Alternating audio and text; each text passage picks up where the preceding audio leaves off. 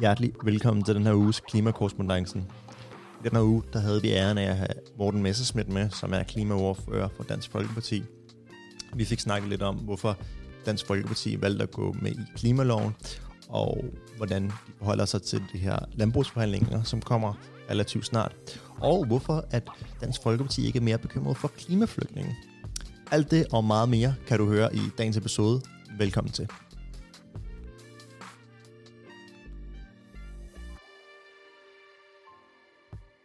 Hjertelig velkommen her til Klimakorrespondancen, og i dag der har vi æren af at have Morten Messerschmidt med, som er klimaoverfører for Dansk Folkeparti. Og øhm, velkommen til, Morten. Tak, tak skal du have. Har du det godt? Hvordan, øh, hvordan har din uge været? Jamen, øh, jeg har det fint. Altså, det er klart, man er børn ved. Det tror jeg gælder for de fleste at være temmelig træt af de her øh, restriktioner og, øh, og alle de begrænsninger, som det giver i øh, hverdagen. Men, øh, men det har været en fin uge. Øh, der har været øh, vigtige debatter på Christiansborg, blandt andet om epidemiloven, øh, som, øh, som var rigtig spændende at tage del i. Så øh, selvom der er begrænsninger, så øh, kører det. Det var godt at høre.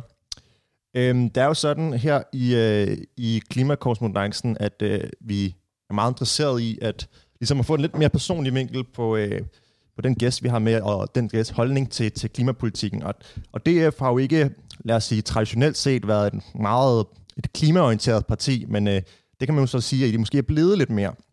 Fordi det var jo sådan, at jeres tidligere formand, Pia Kærsgaard, øh, som bekendt øh, på, på valgnatten i, i 2019, udtalte det her med, med klimatosserne, og at klimatosserne var skyld i DF's øh, må jeg sige, valgnederlag.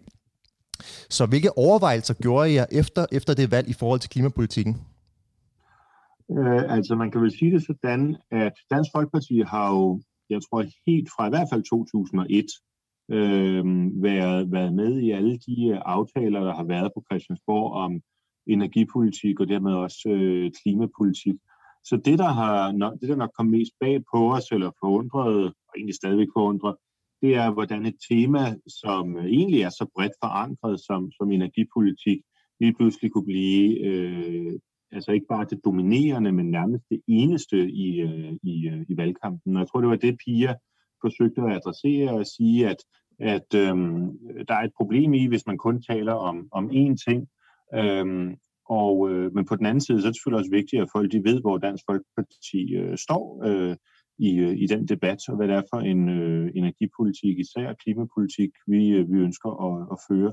Og det sidste har vi jo så gjort noget mere ud af, simpelthen gjort den dyd ud af nødvendigheden her siden valget. Ja, for det var jo også sådan, at de faktisk gik ind i, øh, i den her klimalov og var en del af, en del af aftalen. Hvad, hvad var ligesom øh, tanken bag det? Hvorfor var de valgt at gå med der? Jamen, det er det samme rationale, som har, lagt, har ligget bag øh, de store brede energiforlig, som, som ligger også igennem de sidste 20 år. Altså, det er jo langt fra, alt, øh, vi har været tilhængere af. Altså, vi var jo meget imod PSO-systemet for eksempel, som var den måde, man øh, i en periode finansierede vindmøllerne på, og der er masser af ting, vi har været bekymret for, men vi har alligevel været med for at, som det hedder, sidde med omkring bordet. Og det samme gør sig sådan set gældende i forhold til klimaloven. Altså, øh, jeg er meget skeptisk over for, om 70%-kravet er, er, er det rigtige, altså om det øh, økonomisk også ovenpå alt det med corona og sådan nogle ting øh, giver mening. Altså for kloden gør det jo ingen forskel, om vi reducerer med 65 eller 68 eller 70 i 2030.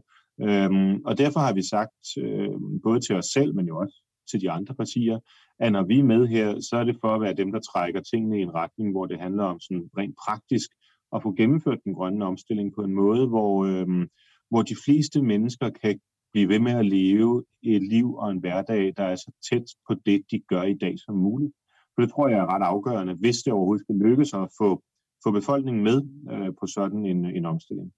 Hvordan synes du så, at det går nu? Jeg så jo, at øh, jeg var lidt derinde og lad os læse, øh, læse lidt op på det og se dine forskellige øh, ja, øh, videoer, du har lagt op på YouTube, og jeg synes, der var en meget interessant en, du lagde op her i december, øh, den var også ret sjov, synes jeg faktisk. Øhm, selv for en, sådan, en, en klimaaktivist som, som mig, hvor du har været inde og finde de her forskellige øhm, ting, som øh, hvad ministerierne ligesom havde gjort oh ja. i forhold til, til klimaet. Og altså, synes du ligesom, at øh, regeringen har, har rykket nok og har rykket nok i forhold til klimapolitikken? Altså man kan i hvert fald sige, at der er jo en, øh, øh, grænsen nogle gange til, til, til frelselsesagtig hysteri i retorikken. Og når man, når man er helt deroppe i det retoriske hjørne, så, så, så er det jo påfaldende, hvis, hvis handlingerne ikke følger med. Altså den video, jeg lavede der i december, hvor, øh, hvor jeg synes, at, at det var sådan lidt latterligt, at nogle af de ting, mange af ministerne havde gjort, jamen det var sådan noget med at, øh, at forbyde sterinlys for eksempel, eller, øh, eller sørge for, at der ikke bliver uddelt blomsterbuketter længere på runde dage til medarbejdere og sådan noget. Men, men mange af ministerierne kører stadigvæk rundt til dieselbiler. Altså det virker ja, ja. lidt paradoxalt. Øhm, og der, der er det klart, der er der sådan en form for skævhed. Øh, hvis man har sat sig øh, helt op på den, på den øh, allerhøjeste øh, hest, og det var det, der var mit anlæggende med den, øh, med den video der. Jeg synes jo ikke nødvendigvis, at det er dårligt at give en buket blomster til sine medarbejdere. Øhm, øh, altså, og heller ikke selvom det så udleder noget CO2 i gardnerierne og sådan nogle ting. Jeg synes jo, det handler om proportionalitet, og at vi over de 10 år, som vi nu har sat os for at gennemføre den her grønne omstilling, så også sikre, at der både kan være et gardnerierhverv og et cementerhverv og alle de her ting, landbrugserhverv osv. i Danmark, øhm, i takt med, at vi laver den her omstilling. Ja, fordi at, nu har du allerede nævnt et par gange det her med, at når omstillingen skal komme, så skal vi gøre det, så det ikke øh, bliver socialt skævt, så vi får befolkningen med. Og det er, jo, det er jo nok egentlig meget rigtigt, det her. Vi kan jo ikke bare tvinge en omstilling igennem og, og forbyde øh, oksekød fra den ene dag til den anden. Det bliver folk nok lidt sure over. Så, så hvordan, ifølge dig, øh, får vi smartest den her, øh, de her reduktioner igennem, altså de 70% reduktioner, som vi skal have i 2030? Ja, altså, jeg, altså når det kommer til landbruget for eksempel, så tror jeg, at det handler meget om at forske og så samarbejde med andre lande. Altså øh, det er jo velkendt, at det danske øh, landbrug er meget eksportorienteret. Og faktisk, øh, Uffe Elbæk kom med et utroligt spændende forslag her, en af de andre, øh, i den her, den her forrige uge, øh, Øhm, hvor, øh, hvor han siger, jamen øh, i en international økonomi, der er vi jo også nødt til at se på de varer, der så bliver solgt over landegrænser. Hvordan skal de egentlig beregnes? Øh, og det synes jeg jo er, er interessant, fordi han vil så gerne have, at når vi for eksempel i Danmark køber et stykke oksekød, der er produceret, skal vi sige, i Polen, jamen, så skal vi ligesom, ligesom hæfte for det, øh, for det CO2-udtryk, aftryk. Men tilsvarende må det så skille den anden vej, at alt det, vi eksporterer, jamen det skal så andre lande jo i godsøjen betale for eller, eller dække. Og til, så begynder tingene jo at se helt anderledes ud, fordi Danmark er jo en eksporterende nation, i særdeleshed på, øh, på landbruget, men jo også i almindelighed. Altså meget af den cement, som Aalborg Portland bliver produceret, bliver jo eksporteret og så videre, og så videre. Så det handler jo også meget om, hvor den her regning, den, den lander henne. Men jeg tror, at det, der skal til, hvis vi taler landbruget helt firkantet, det er, at vi giver øh, landmændene forpligtelsen og siger, de næste 10 år, der vil vi gerne have en i mål med det og det og det, og vi stiller nogle, øh, nogle, øh, nogle ressourcer til rådighed, øh, som så i vidt omfang, jeg tror i hvert fald to tredjedele, skal bruges på at udvikle nye teknologier. Øhm, og så er selvfølgelig noget på for eksempel at tage de lavthængende frugter i at øh, udtage noget, øh, noget bestemte jorder og sådan nogle ting, mm. som, som udleder CO2 i dag, som man kan oversvømme eller, eller andet. Så, så jeg tror, det er en blanding af, af både teknik og så øh, udvikling, altså forskning. Hvis vi følger den her logik med, at vi skal indregne de CO2-budgetter, øh, som vi ligesom øh, importerer og eksporterer, så vil det jo ja. også betyde, at vi skulle indregne i vores ligesom, øh, CO2-regnskab alle de ting, vi importerede for eksempel fra Kina, som kommer meget langt væk fra, altså vil, mm. det vil vi jo så også skulle gøre, vil vi ikke? Jo, og det kan da være en relevant diskussion, fordi altså især hvis man tager transportomkostningerne med, altså der er jo noget relativt skørt i alle de her øh, dibedutter og teknikdimser og hvad ved jeg, vi render rundt og, øh, og køber i dagligdagen, som er produceret i, øh, i Kina. Øhm, mange af dem er det jo primært, fordi transportomkostningerne er så lave. Øh, og så er der europæere, måske også danskere, der går arbejdsløse, øh, fordi kineserne kunstigt altså holder priserne nede. Det er der ikke nogen sund indretning øh, for, for verden, hverken økonomisk, socialt eller klimamæssigt. Så, så jeg er ikke øh, på nogen måde øh, afvisende over for at, at ændre øh, på den måde, verdenshandlen er, er, er skruet sammen på. Heller ikke selvom det så måtte betyde, at, øh, at øh, noget af produktionen ikke længere kan foregå øh, til, til de øh, timelønninger, som diktaturstaten Kina formår at, øh, at gennemtvinge. Altså, jeg er sådan set meget åben over for at få flyttet altså få ændret nogle strukturer, så noget af den produktion kan flyttes tilbage tættere på Europa, og på den måde så også nedbringe noget af det CO2-udslip, som, øh, som transporten øh, medfører. men, men hvis vi indregner alle de her øh, øh, import øh, CO2, hvad skal vi sige, ja. CO2-udledninger, øh, så vil det jo egentlig vise sig, at Danmark har en meget højere CO2-udledning, end, end vi på papiret har nu. Fordi det er jo sådan, at man, man snakker om, at vi har den her dekobling med, at vi har fået vækst, men samtidig reduceret vores øh, CO2-reduktion, eller reduceret med vores CO2-forbrug. Men hvis vi indregnede alt det, vi havde med, med import, så ville, jo, så ville det her jo ikke gælde sig. Altså, så det er jo egentlig meget interessant det her med, at du siger, at, at vi skal indregne alle vores øh, importreduktioner. Øh, altså Danmark har jo øh, de sidste, øh, i hvert fald 30 år, jeg kan ikke huske længere tilbage, men i hvert fald de sidste 30 år jo haft overskud på betalingsbalancen. Øh, og det betyder, at vi eksporterer mere, end vi importerer. Øhm, så derfor tror jeg, at det vil være et godt regnskab for os. Altså for eksempel alt det øh, cement, som, øh, som øh, Aalborg Portland de, de eksporterer til andre lande. Det vil så være modtagerlandet, køberlandet, der skal, der skal afregne det. Og det er jo godt. Det der er, det der, så du har fuldstændig ret i, at øh, det vil så også have den modsatte effekt, og det er jo især den, som øh, Elbæk selvfølgelig er, er ude efter, ja. i forhold til de varer, vi så importerer. Men det synes jeg ikke nødvendigvis er dårligt.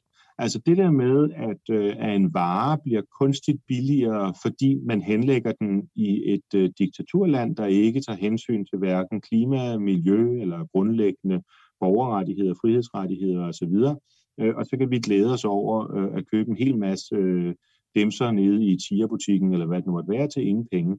Det synes jeg ikke nødvendigvis er en særlig charmerende indretning af, af verden. Øh, jeg øh, vil gerne være med til, at det, hvad kan man sige, fodaftryk af, af, af miljø- og klimabelastning øh, osv., der måtte være, øhm, at det i højere grad skal afspejle sig.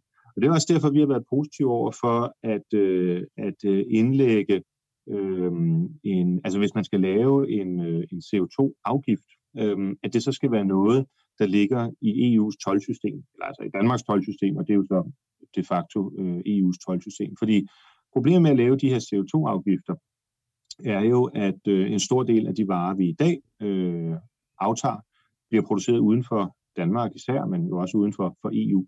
Øhm, og laver man bare en ensidig CO2-afgift, så betyder det jo bare, at øh, det bliver dyrere at producere her, og så flytter man tingene ud, og det vil næppe være særlig godt for hverken miljø eller klima, fordi det betyder, at fragtomkostningerne bliver, bliver større.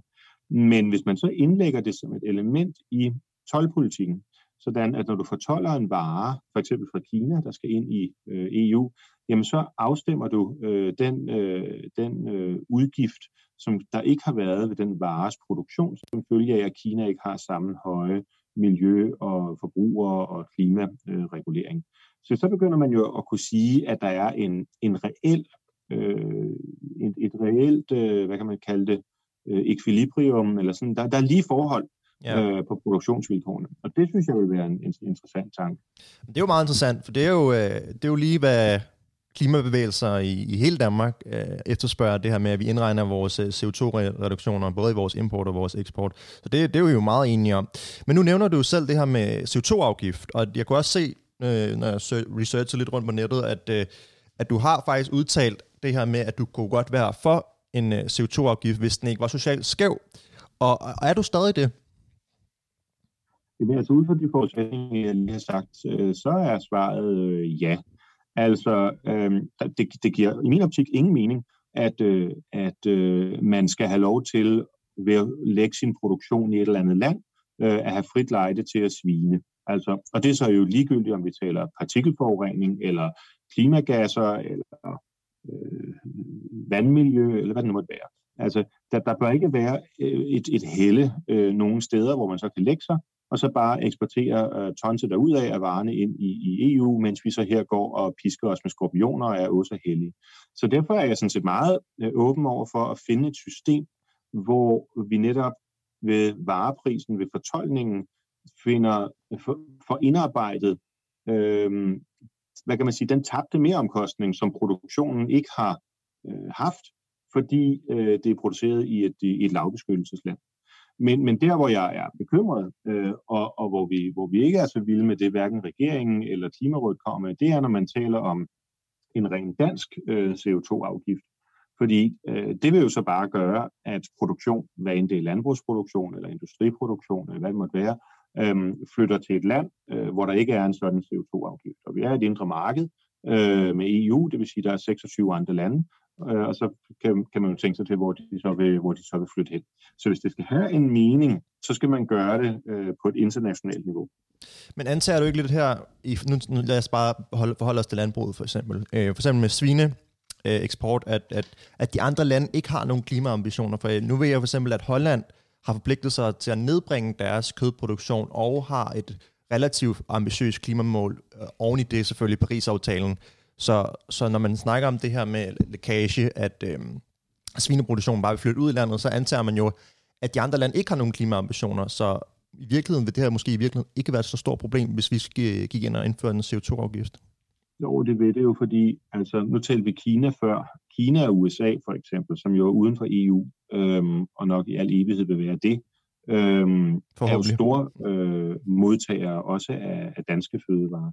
Og derfor må man sige, at der vil jo ikke være noget til hinder for, hvis man for eksempel indførte sådan en CO2-afgift på 1.500 kroner, som jeg tror, Klimarådet har, har, øh, har foreslået, at øh, rigtig mange landmænd vil så sige, nå okay, jamen så flytter vi sådan set bare vores produktion øh, til det kinesiske eller amerikanske marked, til Kina eller, eller USA.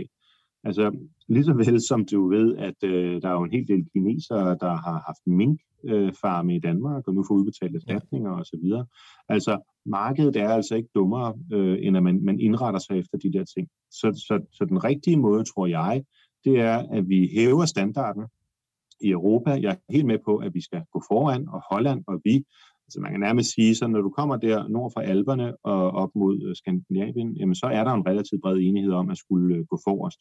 Men den eneste måde, hvor det giver mening internationalt, det er, at vi så netop også laver regler, der, der i hvert fald gør, at, øh, at øh, man ikke bare meningsfuldt kan flytte produktionen ud. Altså man skal huske på, at dansk landbrug øh, er jo et af de mest klimavenlige landbrug øh, i verden. Øh, og derfor vil det være rigtig godt for verden, øh, hvis, øh, hvis øh, vi kunne overtage nogle af øh, de markeder, hvor der måske i dag bliver spist øh, kinesisk eller øh, russisk eller øh, brasiliansk, øh, brasilianske øh, landbrugsprodukter. Det vil være godt for det samlede klimaaftryk. Øh, Og det er der, hvor jeg siger, at der kan det være interessant at, øh, at regne på øh, både de eksporterede varer, fordi det vil alt andet lige jo gøre, at danske varer vil blive endnu mere attraktive, øh, fordi de vil være billigere at købe, når det kommer til den pris, der så vil være for CO2-aftrykket, altså for køberlandet, end for eksempel at købe brasiliansk eller argentinsk øh, kød. Okay, så fair nok, men hvis vi så antager, at, øhm, at nogle af de her, for eksempel svineproduktionen vil flytte ud af, af Danmark, hvis vi skulle gå ind og indføre en CO2-afgift. Men hvad så, hvis vi gik ind og hjælp de forskellige landmænd med at omlægge deres produktion, for eksempel til mere økologisk, altså noget, der er mere miljøvenligt, og noget, hvor man rent faktisk producerede flere øh, ting, som vi mennesker kunne spise. Fordi det er jo lige nu, at over 80% af den danske landbrugsareal går jo til at producere foder til dyr. Så man kunne måske starte med at se på alle de forskellige arealer, hvor vi producerer alt det her foder, når vi skulle om, begynde at omlægge vores øh, træ, øh, landbrugsproduktion. Altså næringsindholdet af animalsk protein er jo langt højere øh, end af det foder, øh, som, øh, som bliver produceret på markerne. Så hvis man skal se i forhold til at, at, øh, at skabe fødevarer til verden, øh, så er det klart øh, bedre for verden, så at sige, altså nettoenergiindholdet, at, øh, at øh, lave forædling, altså gå fra korn til eksempelvis svin eller får eller andet, og så øh, sælge øh, kødprodukterne. Men mindre man selvfølgelig antager, at verden sådan generelt øh, de kommende årtier øh, vil have en, øh, en, en, en dalende øh, indtag af, af protein. Og det, det tror jeg ikke vil komme til at ske. Altså allerede i dag er det jo sådan, at hvis du ser øh, bare uden for vores umiddelbare sådan nærområde, hvis du ser til østeuropæiske lande, hvis du ser til Indien, Pakistan, øh, mange af de her store økonomier, også i Kina, så er der rigtig, rigtig mange mennesker, der ufrivilligt lever som øh, vegetarer. Altså jeg tror, øh, tallet er omkring en milliard, kan jeg huske. Det kan godt være, det er lidt under, det skal jeg ikke kunne sige. Men, men i hvert fald en meget, meget stor del af verdens befolkning har simpelthen ikke råd til Øhm, øh, kød hver dag. Og for dem er det, øh, er det simpelthen drømmen. Altså det skal man, tror jeg, prøve at forstå, at altså, øh, lidt ligesom det har været det drivende element for, øh, for, øh, for vestens øh, udviklingen, øh, at der har været nogle varer, som blev betragtet som sådan dagligdagens luksusglæder. Øhm, det er der, hvor, hvor, hvor kød i dag er for rigtig mange i, øh, i, øh, i Asien for eksempel. Og derfor vil der globalt være øh, de næste mange, mange årtier en stigende efterspørgsel på, på kødprodukter, hvad end det så er kylling eller svin eller, eller øh, andet. Og der er det klart, at der har vi jo både økonomisk, men særligt grad er også en, en, en klimamæssig interesse i at sikre, øh, at dansk landbrug, som er øh, så den, den, den mindst klimabelastende leverandør til den stigende efterspørgsel, at det også er os, der kommer til at, øh, at, at levere varen. Og især hvis man laver den der model, øh, hvor det så er modtagerlandet, altså køberlandet, der betaler øh, CO2 eller klimaaftrykket, jamen der vil der jo være en fantastisk mulighed for dansk landbrug, fordi det klimamæssigt vil være langt billigere end for eksempel de andre lande, jeg nævnte før, og kvaliteten, jamen den er jo ubestridt i top.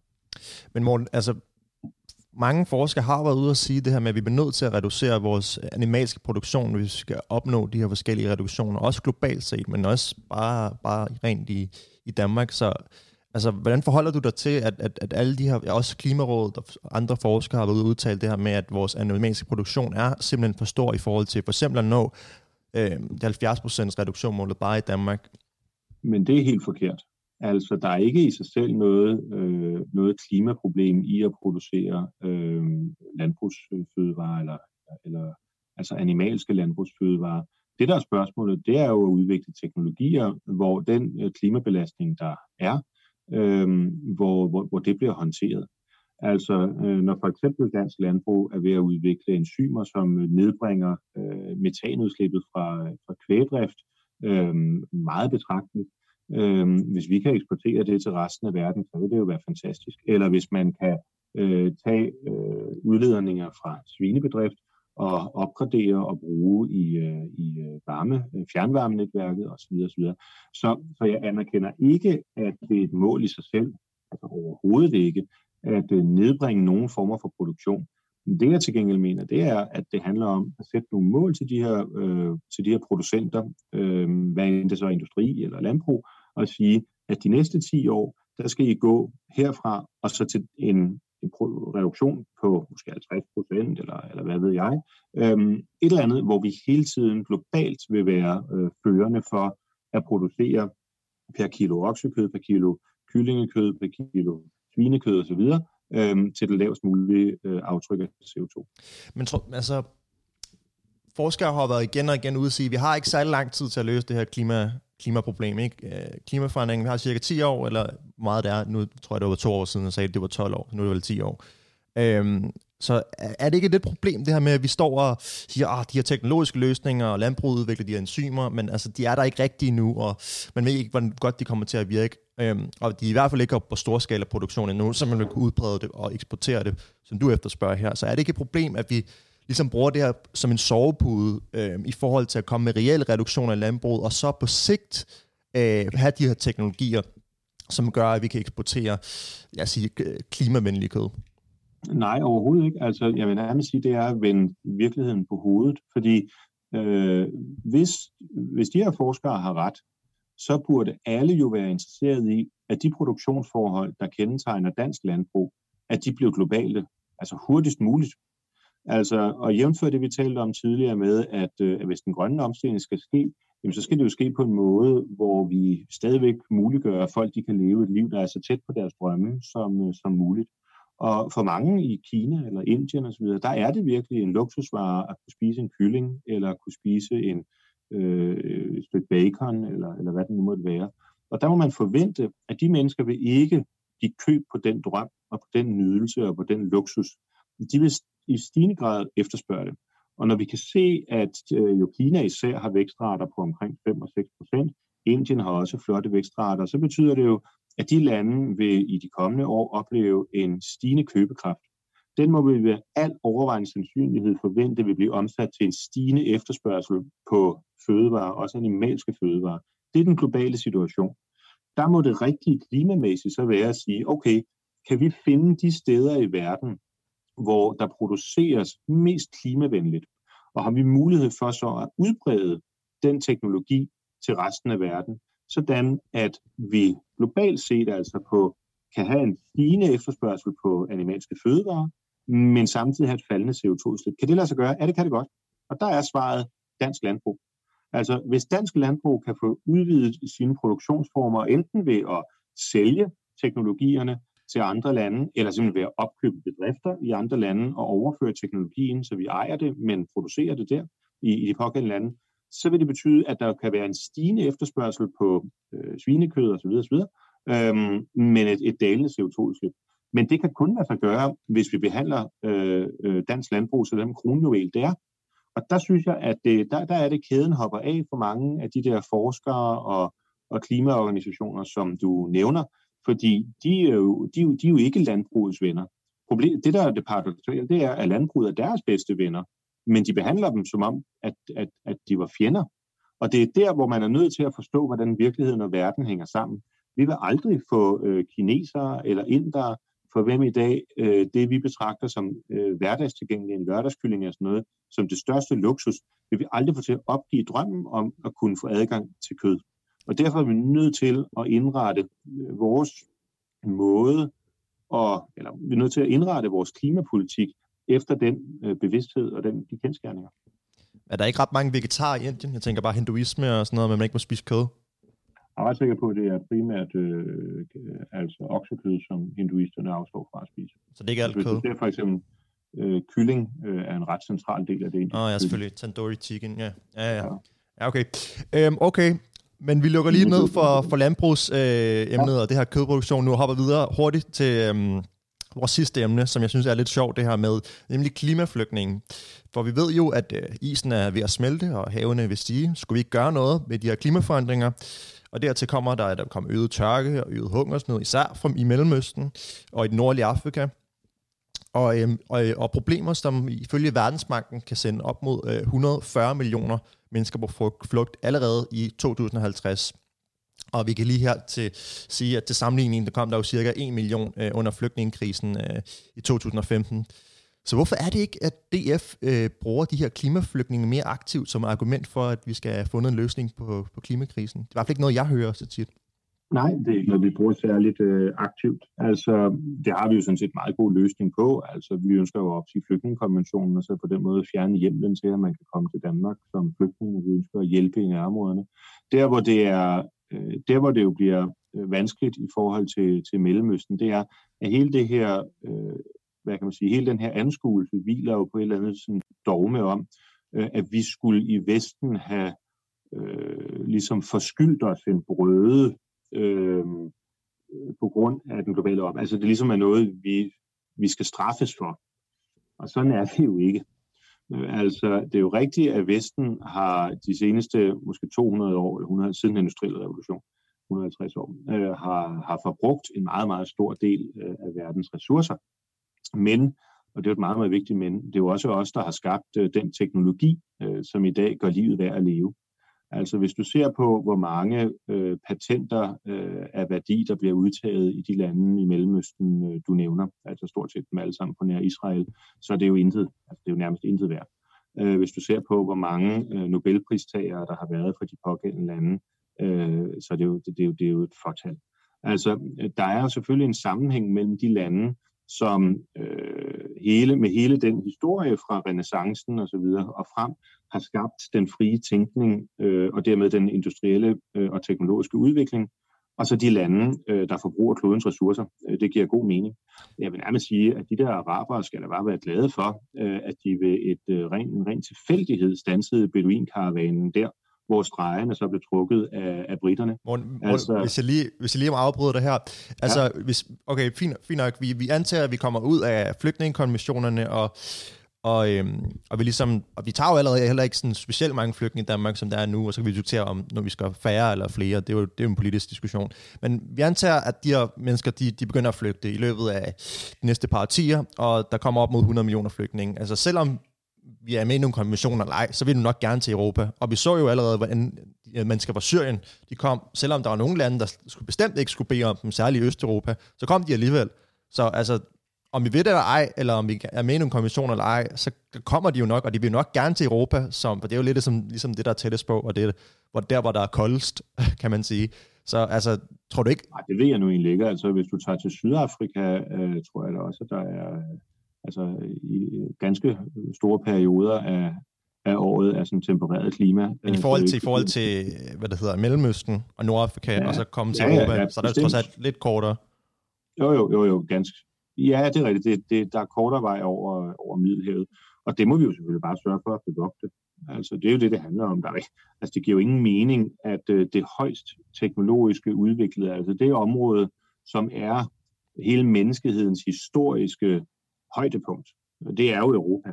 Øh, at vi skulle øh, tillade, at det går til øh, på grund af, af indvandring fra lande, øh, som kulturelt og sociologisk og på demokratisk, økonomisk øh, er, er dårligt fungerende. Altså det, det, det vil jo være helt øh, idiotisk. Øhm, så selvfølgelig handler det om at, øh, at beskytte øh, vores del af, af verden. Og så må man jo sige, at øh, der er jo ikke nogen naturlov i, øh, at man kun kan vandre mod nord, hvis man endelig skal vandre. Men det kunne jo også være, at øh, de der olielande, altså Iran og Saudi-Arabien og hvad har vi, øh, Katar og så videre, øh, at de skulle begynde at investere nogle af deres mange oliemilliarder øh, i så at lave nogle tålige øh, forhold for befolkningerne, i at lave nogle sociale ordninger, som gør, at øh, ens eneste pensionsordning ikke er at få 7, 8, 9, 10 børn, men, øh, men at øh, altså indrette, hvad kan man sige, moderne øh, samfund, øh, velfungerende arbejdsmarkeder, øh, ophæve slaveri, ophæve tortur osv. Mm. Altså, der er rigtig meget, de lande kan gøre for at øh, gøre dem tålige at leve i for deres egne borgere, og ikke kun for, øh, for rige øh, turister der i, i, i Europa, der så flyver ned og lige har øh, en weekend der i et eller andet glaspalads.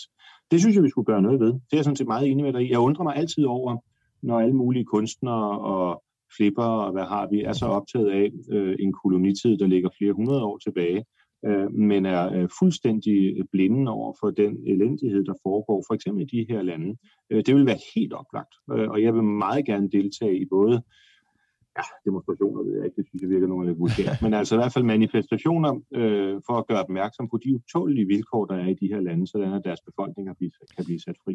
Lige her øh, på faldrebet, øh, jeg vil bare lige, lige dykke lidt ned i det her. Altså, ja. vi så i, under Syrienskrisen. Ikke? Altså, der kom de her mennesker, de kom i store karavaner, og sådan, ja. selvom de lande nede i, Østeuropa, de, de gad sgu ikke have, at de kom. Altså, de satte mm. hårdt mod hårdt, men de, de var det, de kom alligevel, og de blev presset på, og, og, og det har altså kun en million mennesker. Vi snakker over 100 millioner mennesker, som potentielt kan blive drevet for flugt. For nogenlunde de samme steder, som vi så fra, øh, under Syrienskrisen. Så altså, selvom vi sætter meget ind med krigsskib og militær på EU's ydre grænser, altså, tror du ikke, at det vil få nogle sociale og økonomiske konsekvenser, som verden aldrig har set før i forhold til de her klimaflygtninge?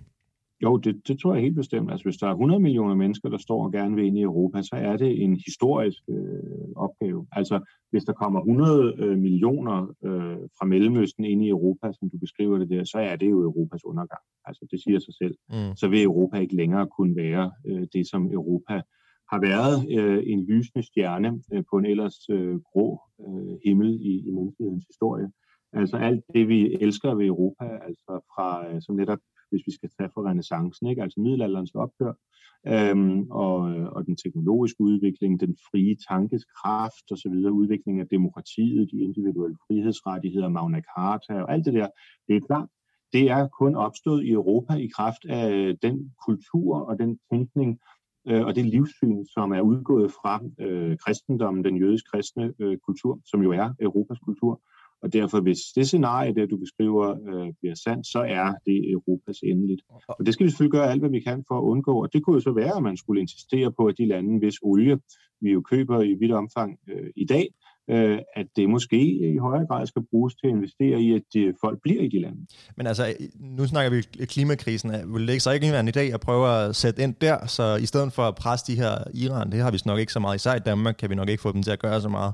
Altså, vil det ikke være Nej, en idé at sætte... Nej, Europa er jo fuldstændig idioter, og tror, at øh, de der iranere, de gør, hvad de skal, øh, bare man har fire aftale med dem. Chamberlain har ikke levet forgæves, må man sige. Nej. Men, men det, der er, er pointen, er jo, at vi gør noget. Og det er jo det hele den første øh, snak handlede ja, ja. om. Altså, at det bedste, vi kan gøre, det er jo at sørge for, at alle i hele verden gør som Danmark. Altså, det vil jo være fantastisk. Det er jeg enig i. Men, men, men, men alle de der klimabevægelser, som du nævner, altså ikke dig, for du virker meget sådan rationel og, og fornuftig, men, men mange andre, jeg i hvert fald møder, de er jo sådan øh, imod Danmark. Altså, de synes, at, at det slet ikke er, er godt nok, og at, at vi skal bruge rigtig meget tid på at diskutere at genere øh, dansk landbrug for eksempel, eller dansk industriproduktion, hvor det, som de burde, det burde jo være at tage rundt i hele verden som de stolteste ambassadører for danske produktionsvilkår og sige, for helvede i Sudan og i Kina og i Rusland øh, og i Mongoliet osv., I skal gøre, ligesom vi gør i Danmark, for jeg skal kloden under. Det er det, de burde gøre, i stedet for at stå her og holde sultestrække for klimaet og Thunberg, hvad fanden ved jeg. Morten, du er blevet, som bekendt blevet smidt ud af pæt debat efter en udveksling med en klimaaktivist. Øh, og her i Klimakorsmødnakken, der vil vi sgu ikke smide nogen ud. Men vi vil gerne invitere til dialog og debat, og derfor vil vi gerne øh, invitere dig med til vores næste øh, klimadeno, så du selv kan få et indtryk af, at vi bare mere end en slag og råb. Jeg kan ikke lige komme med en dato. For hvor lige... foregår den henne? Er det i USA, eller altså nogle af de store sønder, eller hvad? Øh, jeg tror, den foregår nede i Rigsdagsskoven. Øh, I Danmark? Næste gang. Ja, i Danmark. Nå, Jamen, det vil, at du skal ikke, du bliver ikke påkrævet nogen tale eller noget. Bare lige komme ned. Jamen, send mig endelig datoen, så må vi se på det. Jamen, det vil, det vil vi gøre. Men, men Morten, tusind tak, fordi at, øh, du havde lyst til at give dig tid og bruge lidt af din søndag her for at være med. Øhm, det sætter vi meget pris på. Og så må du have en rigtig god dag. Hej og, og lytterne. Tak skal du have. Det var godt. Hej igen. Hej.